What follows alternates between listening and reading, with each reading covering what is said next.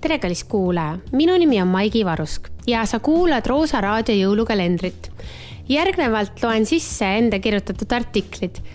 nii et mõnusat kuulamist, alustame.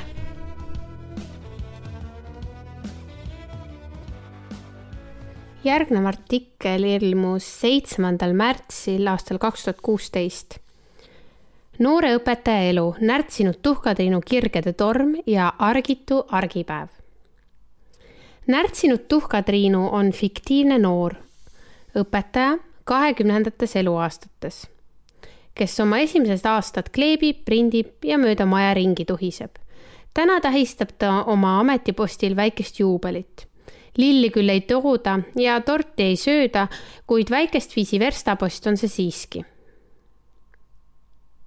üks on kindel, tuhkatriinu ei töötaks ikka veel siin, kui ta oma ainet ei armastaks, piiritult ja tingimusteta. fanatism oma aine vastu ei tee teda veel üüberõpetajaks, kuid annab siiski aluse selleks. tihti on ta klassi ees rääkides avastanud, et süda lausa peksab rinnus. Nendel hetkedel on ta tänulik, et teeb seda, mida armastab ja unustab ametiga kaasnevad raskused tundub nagu odav saksa seebikas, kuid mingisugune muinasjutulikkus peab jääma selle ameti juurde. tundugu see nii naiivne kui tahes. sa pead uskuma, et suudad maailma muuta ja kui mitte maailma, siis vähemalt ühte millidetaili sellest. sest kui sa seda enam ei usu, siis sööb see amet su seest ja väljast. närtsid ja kõik. Nende aastate jooksul on tuhkatriinuke mitmeid kordi närtsinud, kuid siiski jälle õitsele puhkenud ühte närtsimist mäletab ta selgelt. kevad oli kätte jõudnud, kuid õpetaja laual oli pakkide viisi vihikuid ja kontrolluid. aruanded hingasid kuklasse. arenguvestlused kestsid hiliste õhtutundideni. töölehed tahtsid tegemist ja näis, et kogu energia on läinud.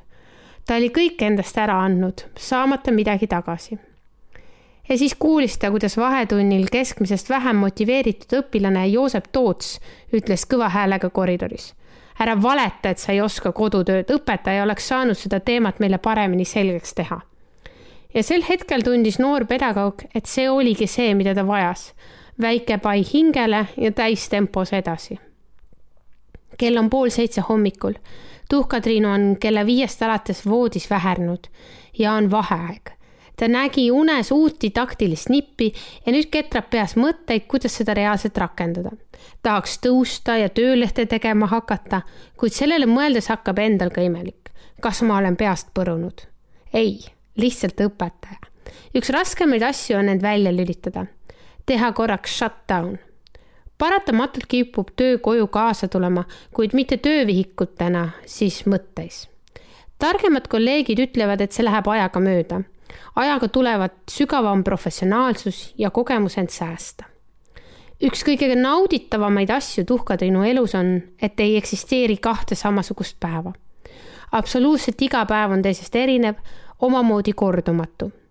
mõnikord avastab kriidine ja markerine õpetaja, et on sama juttu juba vist viis korda rääkinud, kuid mis halvasti, see uuesti kui keegi küsiks tuhkatriinult, miks noor peaks kooli tööle tulema, kõlaks tema vastuses paljude muude asjade kõrval argitu argipäev.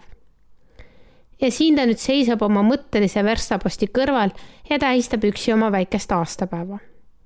võib-olla ei suuda kool tuhkatriinut igavesti enda juures hoida, kuid seni, kuni kristallkingakest keegi kätte ei too, kleebib, lõigub ja tuhiseb tuhkatriinu edasi närtsib ja õitseb, teades, et armastus oma aine vastu ja väike pai on see, mis ta elus hoiab, elupäevade lõpuni